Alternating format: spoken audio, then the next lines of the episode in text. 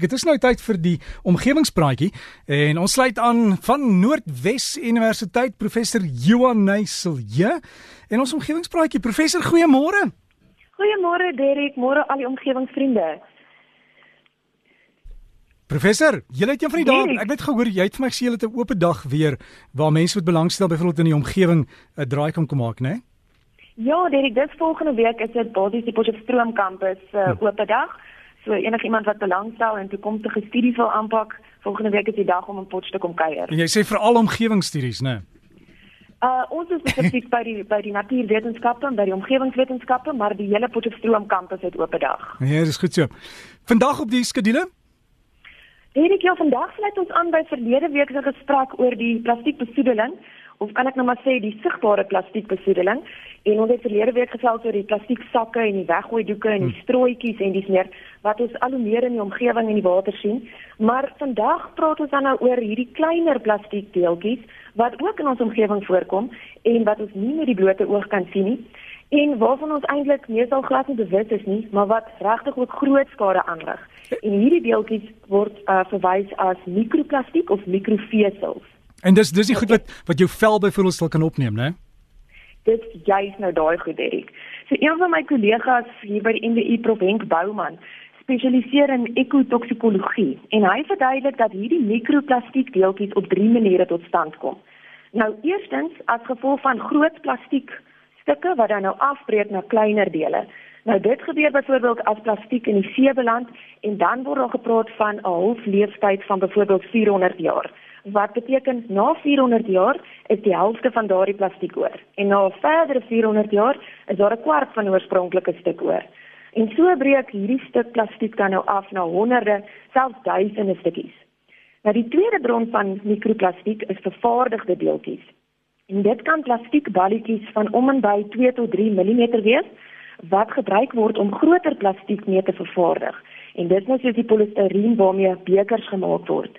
Nou hierdie tipe vervaardigde deeltjies kom ook onder andere voor in sommige gesigreinigingsprodukte of in jou handseep of in gremering of sonskerm of nalak en sommige tandepasta. En dan die derde bron van mikroplastiek kom van ons klere af, en spesifiek kleding van nylon of polyester. So nou elke keer as ons klere was, kom daar van hierdie vesels los. En daarom ook dat 'n kledingstuk al hoe dunner word na mate dit oor en oor gewas word.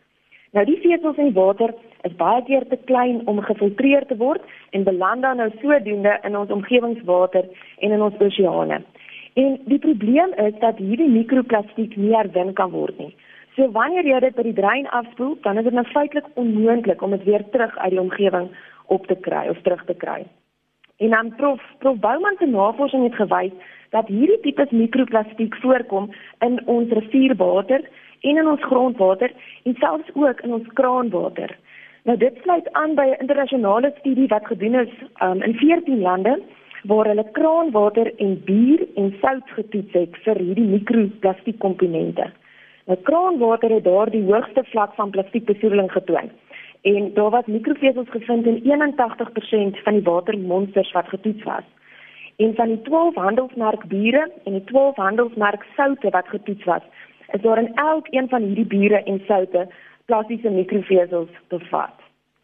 So die mikrofesels of die hoeveelheid mikrofesels wat in die water gevind is, impliseer dat vir elke 2 liter water wat 'n persoon sou drink, die persoon dan nou teoreties tussen 9 en 12 mikrofesels sou inneem.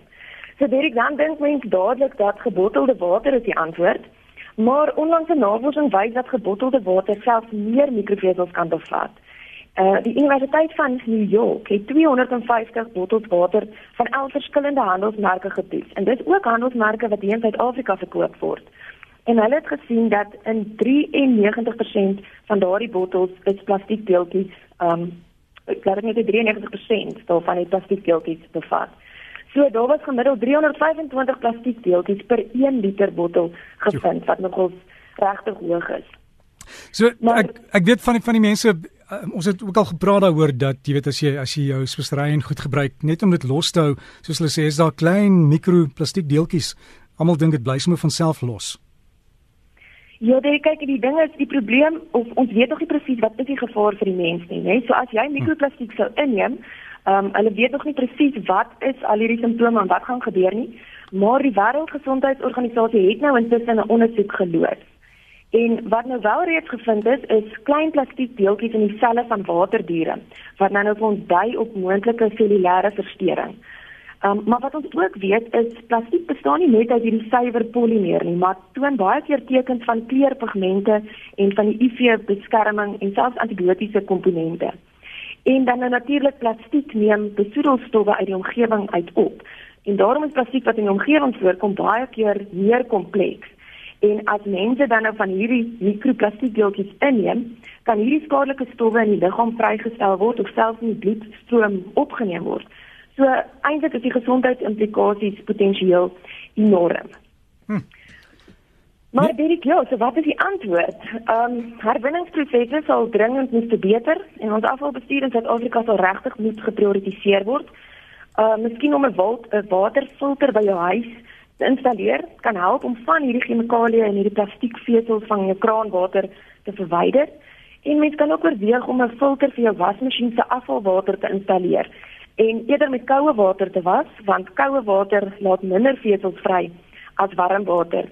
Maar op die lang termyn en wat dan nou aansluit by my groen gedagte, is ons gaan regtig 'n kopskuif moet maak oor die gebruik van plastiek en hierdie bronne van mikroplastiek.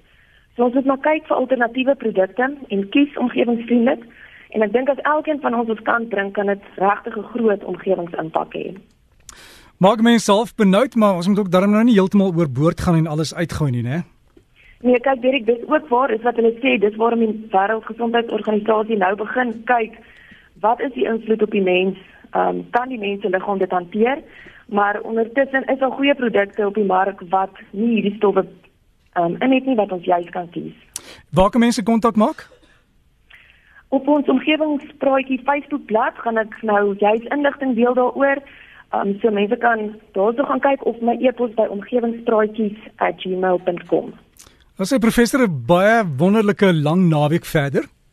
Baie dankie Derek selfs vir daardie vir jou ook. baie dankie so gesels ons dan met professor Johan Heiselje van Noordwes Universiteit. En as jy dalk 'n uh, berig raak lees iewers stuur dit asseblief vir die professor. Dis omgewingspraatjies by gmail.com. Omgewingspraatjies by gmail.com.